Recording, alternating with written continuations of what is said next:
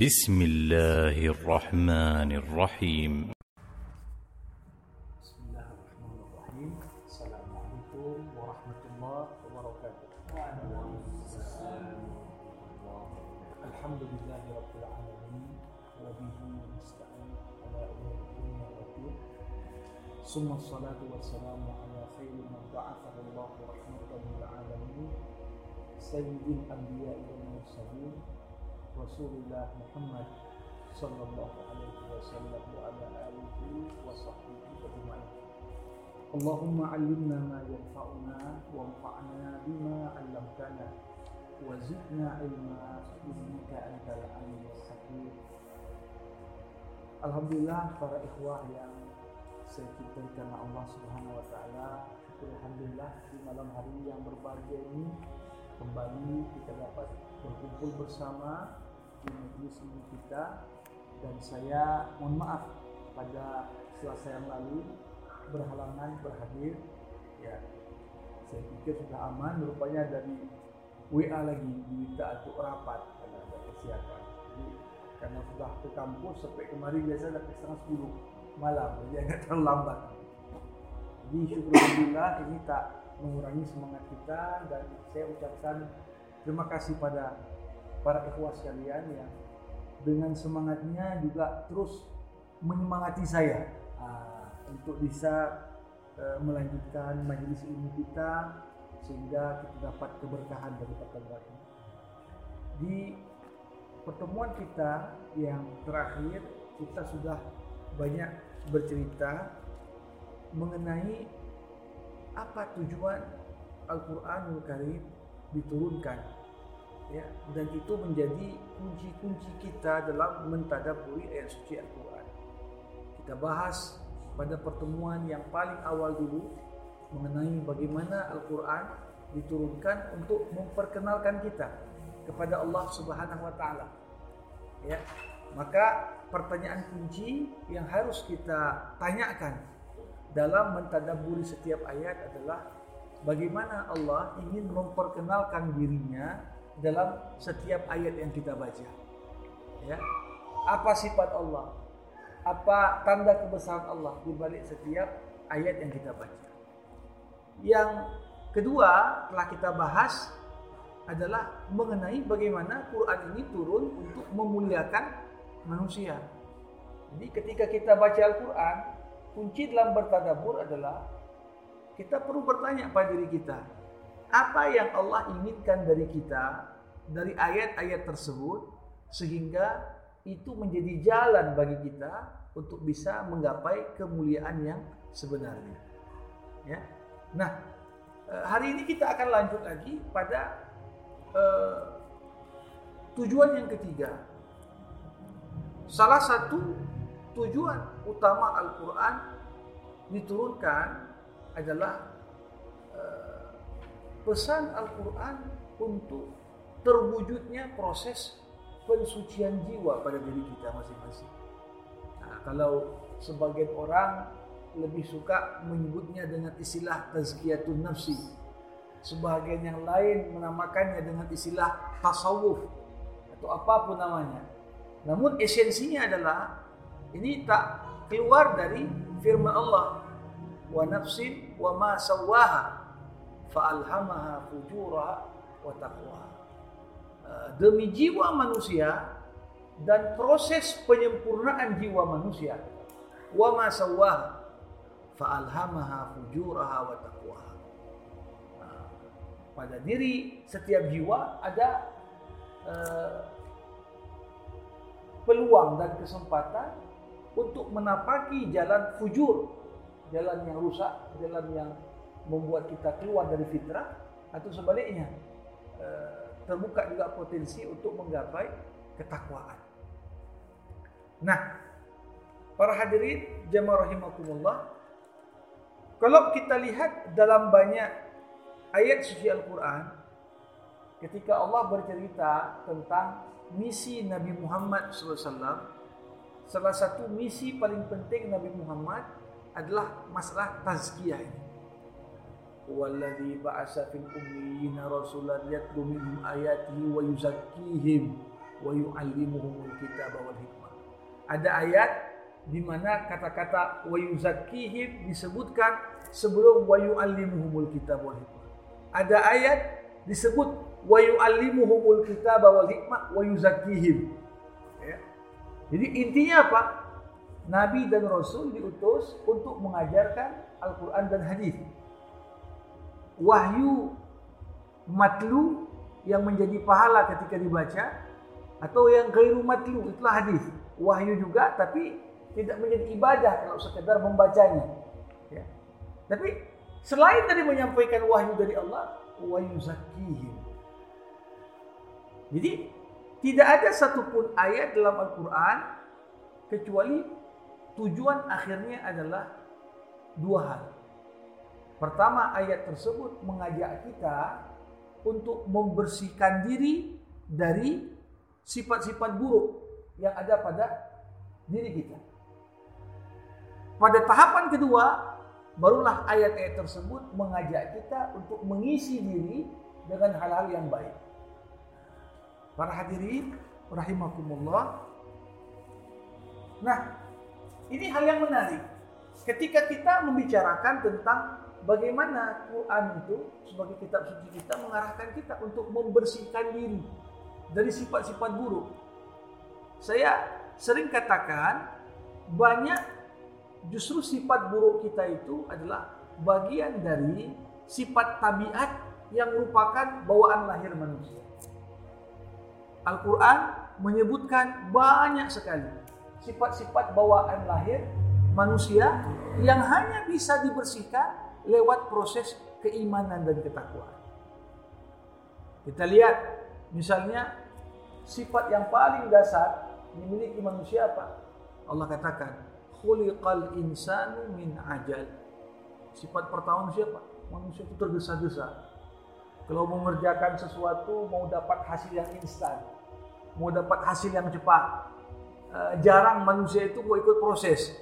Ya, kalau bisa ya uh, langsung dapat hasil tanpa ada proses. Dan jarang sekali uh, kita menghargai sebuah proses. Kita terbentuk untuk menghargai hasil. Tapi kurang kita menghargai proses. Padahal kalau kita lihat dalam Al-Quran itu luar biasa. Allah Subhanahu wa taala menekankan pentingnya proses demi hasil yang baik. Di mana Nabi Nuh alaihi salam uh, disinggung dalam beberapa ayat di mana proses dakwahnya sampai 950 tahun. Kenapa ditekankan? Uh, bahwasanya proses itu enggak enggak singkat orang mau ngajak masuk Islam sekali aja langsung masuk Islam nah. Tapi begitulah sifat bawaan lahir manusia. Manusia itu mau terburu-buru, mau tergesa-gesa, mau sukses, mau instan, mau kaya, mau instan. Dan sifat ini hanya bisa dikikis oleh keimanan. Itu kita lihat. Yang kedua, salah satu sifat bawaan lahir manusia apa? Wa uhdiratil anfus asyuh. Jiwa manusia itu kata Allah dalam surah Al-Hasyr kalau tidak salah itu di, diciptakan jiwa manusia membawa sifat-sifat asyuk, pelit. Kalau dalam bahasa Arab itu ada kata bakhil, ada kata syahih. Sama-sama kalau diartikan ke bahasa Indonesia pelit. Ya. Tapi kalau ditelisik makna apa perbedaan bakhil dengan syah, syahid dari sisi bahasa Arab ini bakhil lebih banyak digunakan pelit untuk orang lain. Tapi kalau syahid bahkan pelit untuk diri sendiri. itu dia. Berarti kalau dari sisi level manusia ini bukan hanya pelit untuk orang, tapi untuk dirinya pun kadang-kadang pelit. Kenapa? Ketika uang itu, harta itu dijadikan sebagai tujuan. Wa uhdiratil anfus asyuk. Ya, bagaimana sebagai besar orang ya disebutkan wa tuhibbunal mala hubban jamma kau cinta harta itu cinta mati cinta mati Korun lebih rela dia mati terkubur bersama hartanya daripada dia harus mati ya, saking cintanya nggak mau pisah. Nah, gimana pada peradaban-peradaban sebelum datangnya Islam itu kenapa jenazah dikuburkan bersama hartanya? Ini ekspresi kecintaan manusia luar biasa kepada harta. Meninggal walaupun tahu kalau dikubur dia kan hilang nanti. ya, tapi kuburkan dia pakai jas yang paling bagus. Uh, pakai uh, jam Rolex yang mahal, uh, bahkan pakai cincin, pakai perhiasan. Uh, kenapa? Karena dianggap aku sudah capek mencari uang ini, masa harus ditinggalkan? Tapi Islam menganggap uh, menguburkan harta bersama mayit itu perbuatan yang sia-sia. Makanya beda dalam fikih antara hukum orang mencuri dengan hukum orang menggali kuburan. Kalau pencuri lewat nisab itu potong tangan. Tapi mencuri barang dari kuburan itu nggak berlaku potong tangan. Kenapa? Karena dianggap memang bukan tempatnya harta itu disimpan di dalam kuburan. Sehingga yang mengambil itu nggak dihukum dengan potong tangan. Begitulah filosofinya. Jadi ini bisa kita lihat sifat buat lahir orang adalah asyuk. Ada lagi sifat ketiga. Manusia ini tempatnya apa?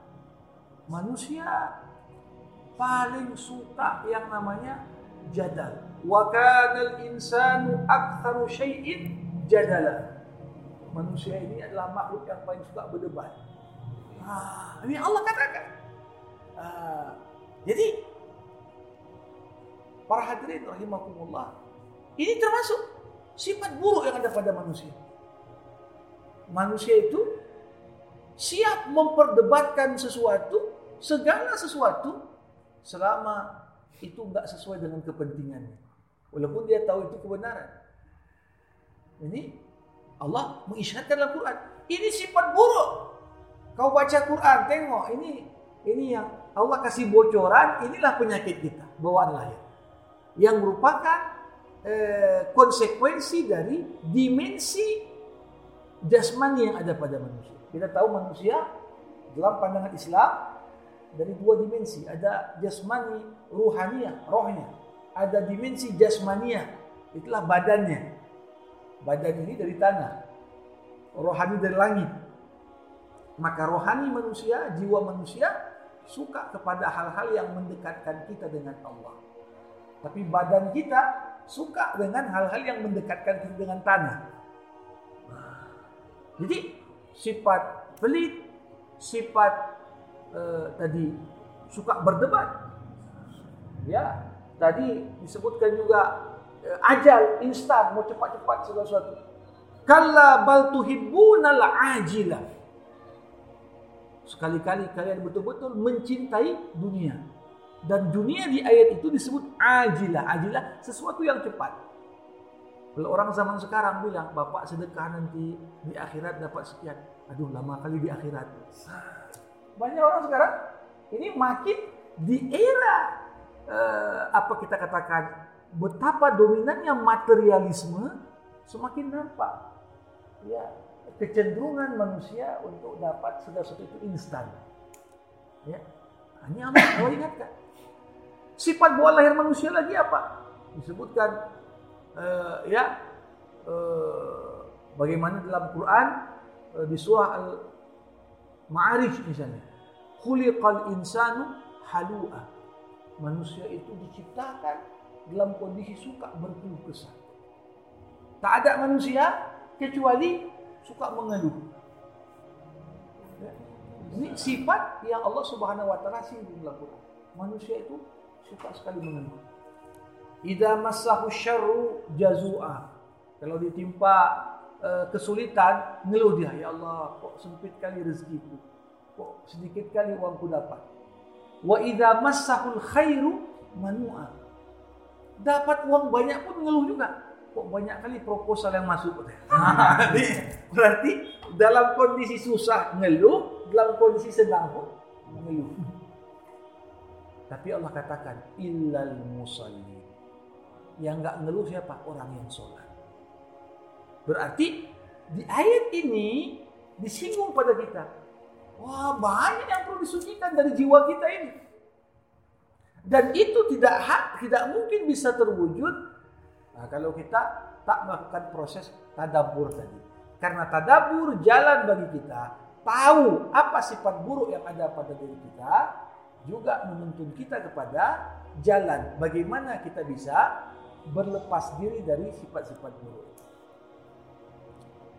Para hadirin rahimakumullah, kita lihat lagi bagaimana sekelompok manusia disebutkan Allah di surah Al-Fajr. Ya, amal insan idza mabtalahu rabbuhu fa akramahu wa na'amah fayaqulu rabbi akraman. Begitu banyak harta dikasih, mulai manusia menyombongkan diri. Tengok, Tuhanku memuliakan. Di dunia aja aku kaya, nggak mungkin di akhirat nggak kaya.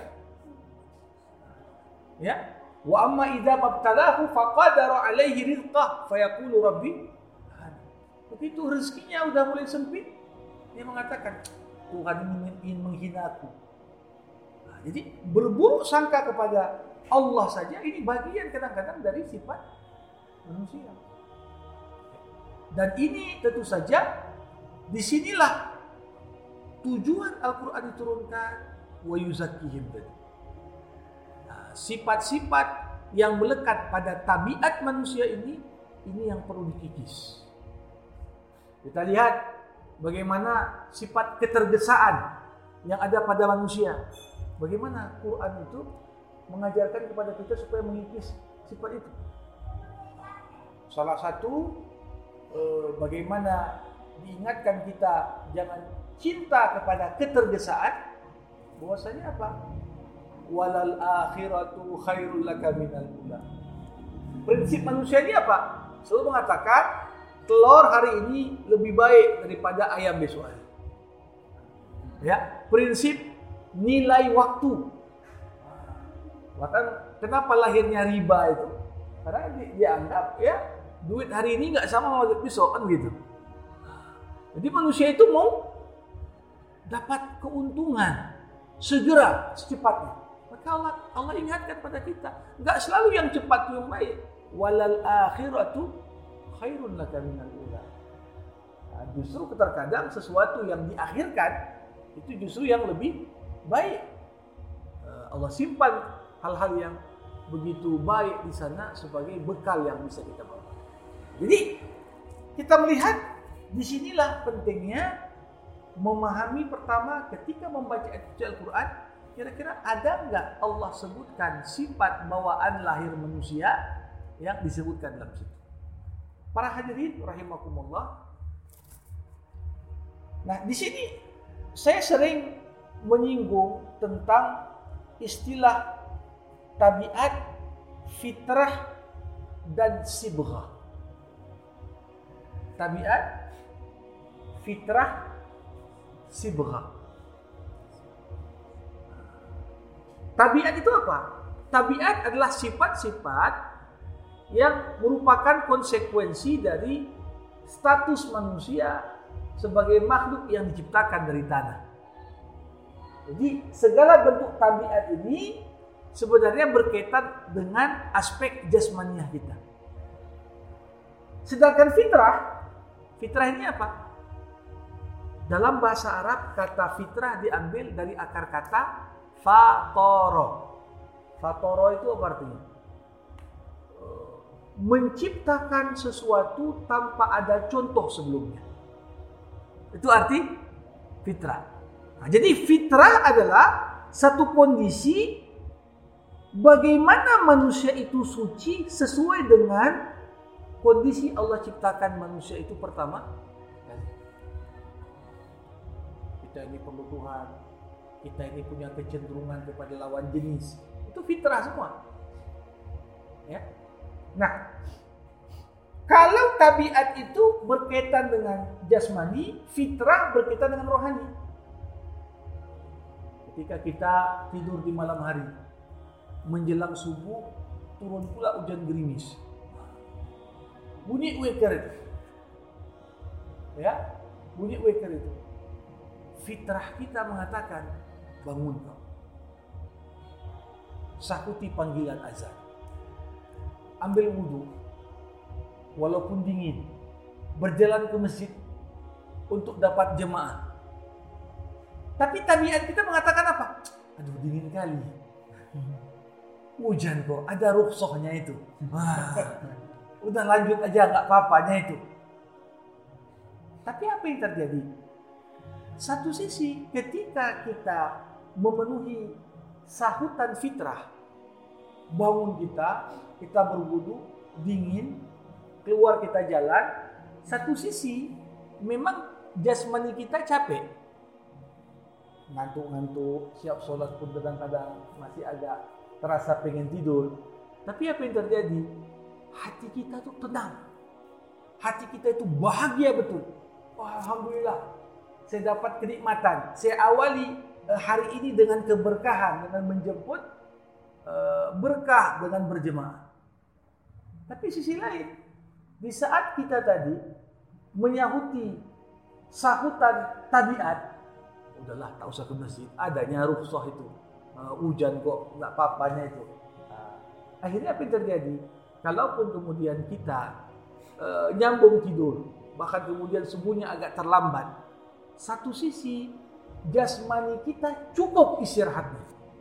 Tapi di sisi lain hati kita merasa gelisah dan bersalah. Lihat, satu yang namanya tabiat itu bagaimana tujuannya menyenangkan jasmani. Fitrah itu tujuannya menyenangkan rohani. Dan di antara keduanya ini ada saling tarik menarik. Ya, makanya dalam Al-Qur'an wa amma man khafa maqama rabbih wa nahan nafsa 'anil hawa fa innal jannata Siapa yang takut pada Allah. Artinya dia dahulukan fitrahnya. Fitrahnya itu lebih kuat, lebih dominan daripada tabiat. Wanahan nafsa anil hawa. Dia mampu kontrol hawa nafsu unsur tabiat yang ada pada dirinya tadi. Udahlah, bangun subuh walaupun dingin, walaupun hujan. Tetap dia bangun. Apa kata Allah? Harga surga itu adalah ketika manusia mendahulukan fitrah dibandingkan tak tabiatnya. Nah, tentu saja eh, bagi kita terkadang di awal eh, pertarungan antara fitrah dan tabiat ini kadang-kadang menang fitrah, kadang-kadang menang tabiat kan begitu. Kadang-kadang menang fitrah, kadang-kadang menang tabiat. Tergantung. Kalau pas di masa futur menang tabiat terus. Ya kan? Saat kita sedang semangat, lagi apa kuat iman, menang fitrah. Nah, di sinilah pentingnya apa yang disilahkan Allah di juz pertama di surah Al-Baqarah tentang yang namanya sibghatullah. Sibghah. Sibghah. Apa itu sibghah? Sibghah diartikan celupan. Bahkan sibgha itu di antara maknanya cet. Nah, subuh dalam bahasa Arab apa cet? Nah, cet itu apa untuk warnanya? Tapi salah satu fungsi utama dari cet itu apa? cet itu ketika kita uh, warnai dinding tertentu atau perabot tertentu dengan warna khusus, warna cat itu kita tahu bahwasanya uh, warna bagian dari keistimewaan suatu objek. Kita bisa mengenal satu objek dari warnanya, dari catnya. Maka di sinilah pertarungan antara fitrah dan tabiat ini apabila manusia mampu memartabatkan fitrahnya lebih kuat daripada tabiatnya, maka sampailah kita pada tingkatan sibuhat Allah. Allah akan celupkan kita dengan celupannya. Pengertiannya apa? Ya, uh, kita akan lewati fase yang naik turun tadi. Kita akan sampai pada fase kalau sudah terbiasa kita menangkan fitrah daripada tabiat, maka orang yang sudah sampai pada tingkatan sibukat Allah, ya, uh, kecenderungannya untuk memilih apa yang Allah kehendaki itu jauh lebih besar daripada apa yang dikehendaki oleh nafsunya. Ah, jadi Quran ini sebenarnya dari awal sampai akhir bagaimana kita bisa mensibughah diri kita dengan sibuknya Allah. Saya ingin sampaikan begini. Kalau dalam bahasa Arab kata sibuhan ini bisa digunakan juga begini. Misalnya ada orang dari lahir ayah ibunya orang NU misalnya. Sekolahnya dari TK sampai kuliah di universitas dan di madrasah NU semua. Langsung dikatakan ini NU tulen. Ya kan? Tapi ada orang misalnya bukan orang NU dia. Nggak pernah sekolah di sekolah NU. Tapi karena dia bergaul sama orang NU, masuk pula di organisasi NU, dibilang ini bukan orang NU tapi tersiburoh sama siburoh NU. gitu dia. Nah, pengertiannya apa? Dia ini dasarnya bukan NU, tapi karena apa? Diwarnai oleh lingkungan NU. Sehingga cara dia ngomong, cara dia berpikir, cara udah sama. Begitu juga uh, Muhammadiyah ada yang dari awal sampai akhirnya sekolah Muhammadiyah, uh, begitu juga universitasnya. Cara dia berpikir pun ini namanya Muhammadiyah tulen. Begitu juga. Kalau ormas saja ada siburahnya, gimana pula dengan Islam yang hakiki? Ada. Uh, maka siburah Islam itu lebih kepada apa hal-hal yang disebut ma yu'lamu minad dini bitarurah. Hal-hal yang nggak boleh dipersengketakan dalam agama. Mau cerita di Muhammadiyah, mau di NU, mau di HTI, mau di kelompok mana pun sepakat ini bagian dari Islam. Itulah sibukan Islam. Karena nggak mungkin dianggap sibukan Islam sesuatu yang masih diperdebatkan. Dan kalau kita mau jujur, qat'iyat, hal-hal yang disepakati bersama antar seluruh lapisan umat Islam itu bisa sampai 85% dari ajaran Islam yang ada saat ini. Justru uh, ruang dan lingkup perbedaan pandangan tadi ini justru hanya pada 15 persen. Uh, cuma hanya saja karena kita lebih senang fokus sama yang beda, bukan fokus kepada yang sama, jadi nampak seakan-akan yang beda itu lebih banyak. Ini jadi problem. Jadi sebenarnya ini menarik kalau kita lihat. Jadi Quran diturunkan mensucikan jiwa. Tadabur Quran jalan menyucikan jiwa. Pertama, kenali dulu penyakit muat. Baca Quran, ayat yang berbicara tentang manusia, coba kita tanya, apa kira-kira pesan Allah dari ayat ini? Maka saya ingin sampaikan begini, hampir tak ada satupun tipologi dan sifat manusia di dunia ini kecuali ada isyaratnya dalam Quran. Ada manusia pragmatis, ada model kisah dalam Quran manusia pragmatis seperti itu. Ada diktator, ada model manusia di situ. Bahkan tiap surat dalam Al-Quran memperkenalkan tipologi manusia tertentu. Cuma kadang-kadang kita nggak fokus untuk mengkaji itu. Ya, ada satu buku sangat baik ini ditulis junior saya di UIE di Universitas Islam Antarbangsa. Dia juga jurusan tafsir tapi di tinggal di apa di Jawa. Dia tulis buku tentang tipologi Al-Quran dalam 30 juz Quran. Jadi tiap juz itu coba dikeluarkan dulu mana ada cerita manusia di situ, mana model-model manusia yang ada di juz satu, model manusia di juz dua. Dan ini kalau kita uh, kaji lebih mendalam, wah ini kaya betul. Bahkan dalam kajian ilmu psikologi pun belum sampai kajian manusia sampai ke situ. Nah, jadi ini gimana bisa sampai ke sana lewat tadabbur? Apa problem kita? Cari apa solusi kita? Nah, untuk itulah uh, maka kalau kita perhatikan dalam konteks zaman sekarang, ini saya secara tidak langsung ya senang sekali ketika berbagai upaya mendekatkan dan merapatkan apa yang bisa dirapatkan. Ya, ini kalau kita lihat dari uh, uh, banyak perbedaan pendapat di kalangan uh, umat Islam saat ini yang sulit bukan untuk mendekatkannya, tapi penyakit-penyakit hati yang menyertai perbedaan pendapat. Itu yang yang berat menghilangkannya. Saya teringat sekali perkataan dulu Syekh Mustafa Sibai. Mustafa Sibai ini termasuklah pendiri Ikhwan Muslimin pertama di Suriah.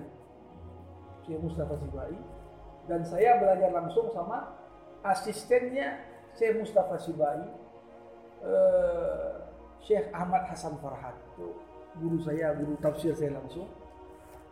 Jadi waktu Syekh Hasan uh, Mustafa Sibai menulis buku demikianlah kehidupan mengajarkanku hakaza alamanil haya dia itu uh, sebelum sakit udah stroke. Nggak bisa gerak lagi apa tapi masih dia diktekan dulu sama muridnya tulis buku ini tulis buku ini. pelajaran hidup saya pelajaran hidup saya jadi uh, Mustafa Siba itu pernah diundang sekali ketika dia lihat ada kesungguhan dari uh, kelompok Syiah dan kelompok Sunni yang apa namanya khususnya waktu itu di di Suriah. Jadi cerita tahun 60-an. Cerita tahun 60-an. Waktu itu dia menyampaikan pidato menarik sekali. Uh, apa kata Syekh Mustafa Sibai? Salah satu uh, sebab utama terpecahnya umat Islam uh, menjadi Sunni dan Syiah adalah karena perebutan kekuasaan. Saat ini yang justru menjadi sebab perpecahan bukan di tangan kita. Sama-sama kita nggak punya kuasa sekarang katanya. yang kuasa di barat. Sama-sama negeri kita dikontrol. Maka untuk apa kemudian uh, dihidupkan lagi konflik yang justru kebanyakan orang nggak tahu asal usulnya. Ya, jadi dalam tanda batasan tertentu perkataan tadi cukup sangat kuat sekali. Ini kadang-kadang uh, sering sekali saya berkali-kali sampaikan itu kalau ketika buat kurikulum di Fakultas Agama itu ada mata kuliah namanya ilmu kalam. Ilmu kalam ini cerita tentang perdebatan teologis abad keberapa? Abad keempat, abad kelima Hijriah. Yang sebagian dari objek perdebatan itu udah nggak ada lagi zaman sekarang. Nah, saya sampaikan ini kalau kita tak berubah, ini ini terus kita hidupkan lagi, nanti orang yang nggak ngerti disampaikan ke publik ribut lagi. ya, uh, sehingga terkadang kita melihat yang membuat sulit bersatu tadi apa? Fanatisme yang menyertai itu bagian dari penyakit hati juga. Maka Imam Syafi'i itu mengatakan, jika aku berdebat dengan orang cerdas, aku menang. Jika aku berdebat dengan orang bodoh, aku kalah. Kenapa? Karena kalau orang bodoh, nggak ada dalilnya, yang ada suara besar saja. Nah, ini langsung suara besar, bentak, banting meja. Habis waktu kita untuk berdialog, tapi tidak akan pernah sampai kepada hal yang baru dan bermanfaat. Jadi kalau kita perhatikan konteks kekinian, jadi tadabbur Quran ini, ini kenapa secara khusus di saat Allah Subhanahu Wa Taala menyebutkan fungsi Quran sebagai syifa, salah satu bentuk syifa dan kesembuhan yang Al-Quran berikan yang gak diperdebatkan adalah wasyifa'un lima fisudur sebagai obat terhadap penyakit. Itu tazkiyah tadi. tazkiyah. Penyakit buruk sangka, penyakit apa. Ini kita lihat di surah Al-Hujurat berapa banyak model yang merusak persaudaraan dan persatuan yang merupakan bagian dari sifat tabiat manusia. La yaskhar qaumun min qaumin asa ayakunu khairan minhum. Suka sekelompok memperolok kelompok yang lain. Yang perempuan juga memperolok perempuan yang lain. Ya kadang-kadang ada sebagian memanggil uh, saudaranya dengan gelar yang buruk. Berburuk sangka mencari-cari kesalahan menghibah. Ini kan semua uh, sebenarnya adalah bagian dari penyakit hati yang ada pada diri manusia yang sebenarnya membutuhkan proses tazkiyah lewat uh, tadabbur tadi. Jadi baca ayat Quran kira-kira apa sifat buruk yang ada pada manusia? Nah, gak usah jauh-jauh, kita lihat di surah terpanjang dalam Quran saja 286 ayat. Sebelum mengawali cerita tentang beragam manusia di situ diawali dengan tiga model manusia. Mukmin, di mana kondisi hatinya? Masuk ke kafir, innal ladzina kafaru sawa'un alaihim anzartahum am lam tunziru la yu'minun. Ada orang-orang kafir, kau kasih peringatan, tak kau kasih sama aja. Takkan beriman. Kalau kita renungkan ini surat terpanjang justru cerita pertama sebelum masuk ke yang lain justru membahas dan fokus terhadap manusia itu sendiri. Inilah yang perlu disempurnakan. Ya. Bagaimana kalau kau berhadapan dengan orang yang uh, seruanmu itu bertentangan dengan kepentingan duniawinya. Ya pasti dia tidak akan pernah mau menerima dengan mudah. Kenapa? Karena manusia tidak akan pernah menerima kebenaran sekiranya kebenaran itu bertentangan dengan kepentingannya. Apa kata uh, Abu Jahal ketika Abu Jahal ketahuan malam-malam mengendap-endap mendengar Nabi Muhammad membaca Al-Quran. Oh punya kok kok dengar ini? Diam-diam aja kamu. Nah, aku sebenarnya kagum juga sama Al-Quran ini. Cuma antara kabilahku dan kabilah Muhammad seperti dua joki yang sedang berlomba pacuan kuda. Mereka kasih makan jamaah haji, kami kasih minum jamaah haji.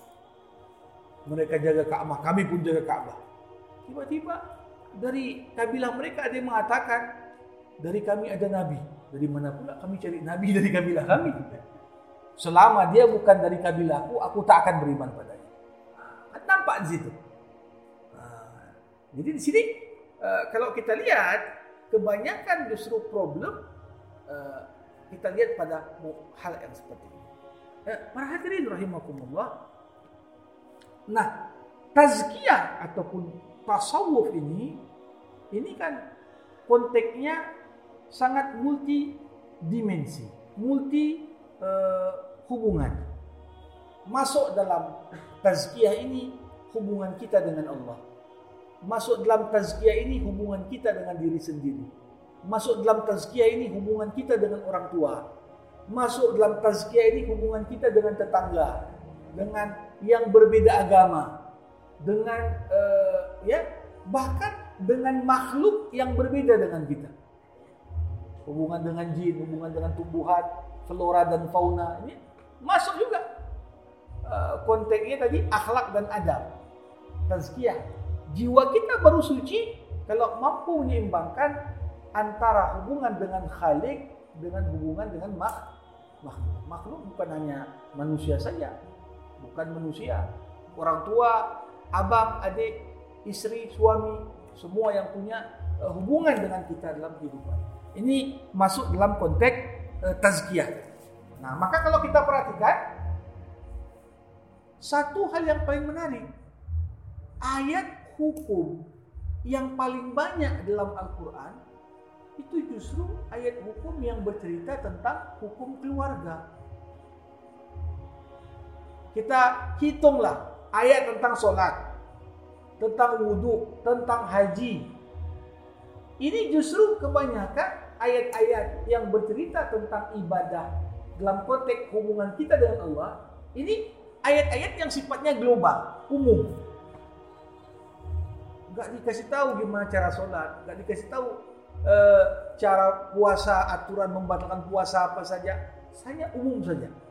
Tapi kalau sudah masuk hukum keluarga, ini sangat terperinci sekali. Tentang rukun nikah, wajib nikah, ada ayat tentang mahar, ada ayat tentang hak suami istri. Sangat detil. Uh, kalau cerai bagaimana, bentuk-bentuk putusnya hubungan suami istri diatur. Maka kalau kita melihat bagi warisan, oh, kalau dihitung ayat waris dalam Al-Quran itu tak lebih dari uh, sekitar 12 ayat saja. Ayat waris dalam Quran. Tapi 12 ayat ini cukup untuk jadi landasan lahirnya ilmu faraid. 12 ayat ini bisa jadi satu ilmu. Kenapa? Karena detailnya. Justru kalau kita mau mengkaji ibadah apa pun dalam Quran akan sangat sulit kita menjelaskan panjang lebar tanpa merujuk kepada hadis hadis Nabi. Nah ini, ini sekali lagi untuk menunjukkan kepada kita uh, bagaimana pensucian jiwa tadi uh, dasarnya adalah ketika kita mampu menyeimbangkan antara khalik dengan makhluk. Ya. Walaupun dalam konteks uh, kajian fikih biasanya uh, disebutkan uh, haqqullah mabniun alal musamahah wa haqqul ibad mabniun alal musyahah pada umumnya kalau berkaitan dengan hak Allah Allah tu lebih banyak toleransinya sama kita. Uh, kalau kaitan dengan hak-hak manusia manusia itu dasarnya menuntut kita kalau utang sama Allah mungkin Allah maafkan. Tapi manusia sampai kiamat pun ditaginya uh, enggak dia maafkan walaupun ada sebagian yang memaafkan nah, jadi kembali lagi kepada uh, baca dengan tujuan bagaimana ayat-ayat itu menyingkap sisi-sisi gelap dari kehidupan manusia, sifat-sifat bawaan e, tabiat, sesuaikan dengan tuntunan fitrah sehingga manusia kemudian tersibghah dengan sibghahannya Allah. Nah, kalau sudah kita sebutkan sibghat Allah, wa man ahsanu minallahi sibghah. Kalau kita ikutilah e, celupannya Allah tadi, tak ada Eh, sistem yang lebih baik yang mengatur kehidupan kita seperti ketika kehidupan kita diwarnai oleh tata atur, tata kelola yang Allah Subhanahu wa taala kehendaki dari para hambanya. Nah, jadi ini saya kira hal yang paling pokok dan paling mendasar. Uh, insya Allah pada konteks uh, berikutnya nanti kita tinggal fokus pada uh, pembahasan konteks Quran dan umat, Quran dan umat manusia, umat Islam dan umat manusia. Itu kita bahas di mana pada pertemuan berikutnya baru kemudian kita masuk gimana cara baca Quran, gimana mendengarkan Quran, gimana kita uh, supaya lebih praktis sifatnya. Baik, uh, kita buka sesi diskusi dan tanya jawab kepada para ikhwah yang bertanya, berkomentar saya persilahkan hormat.